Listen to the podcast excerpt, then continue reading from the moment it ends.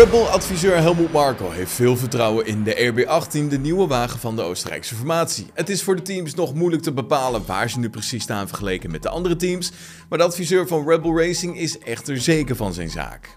Bij motorsportmagazine.com geeft Marco aan welke teams een mogelijk gevaar vormen voor Red Bull Racing. Ferrari lijkt sterk en McLaren lijkt er ook bij te zitten. Ja, wel benadrukt de 78-jarige Marco dat er nog koffiedik kijken is.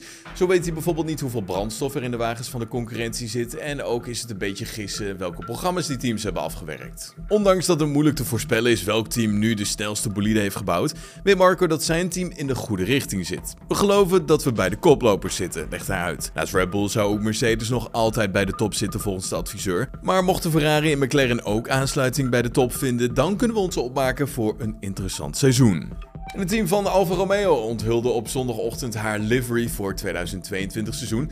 En heeft inmiddels, zoals je kan zien, ook al de eerste kilometers gemaakt met deze nieuwe kleurstelling.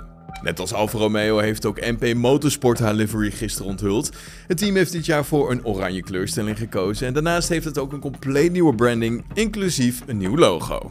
Maken we de overstap naar Amerika, want Rinus van Kanthout, a.k.a. Rinus 4K, die wist tijdens de eerste IndyCar race van het jaar een zesde plek te behalen. Ja, de Nederlander die startte vanaf P4, maar wist dit uiteindelijk niet vast te houden. Dat was hem dan het nieuws van vandaag. Heb je genoten van deze aflevering? Laat van je horen op onze Apple Podcast pagina of volg ons op Spotify.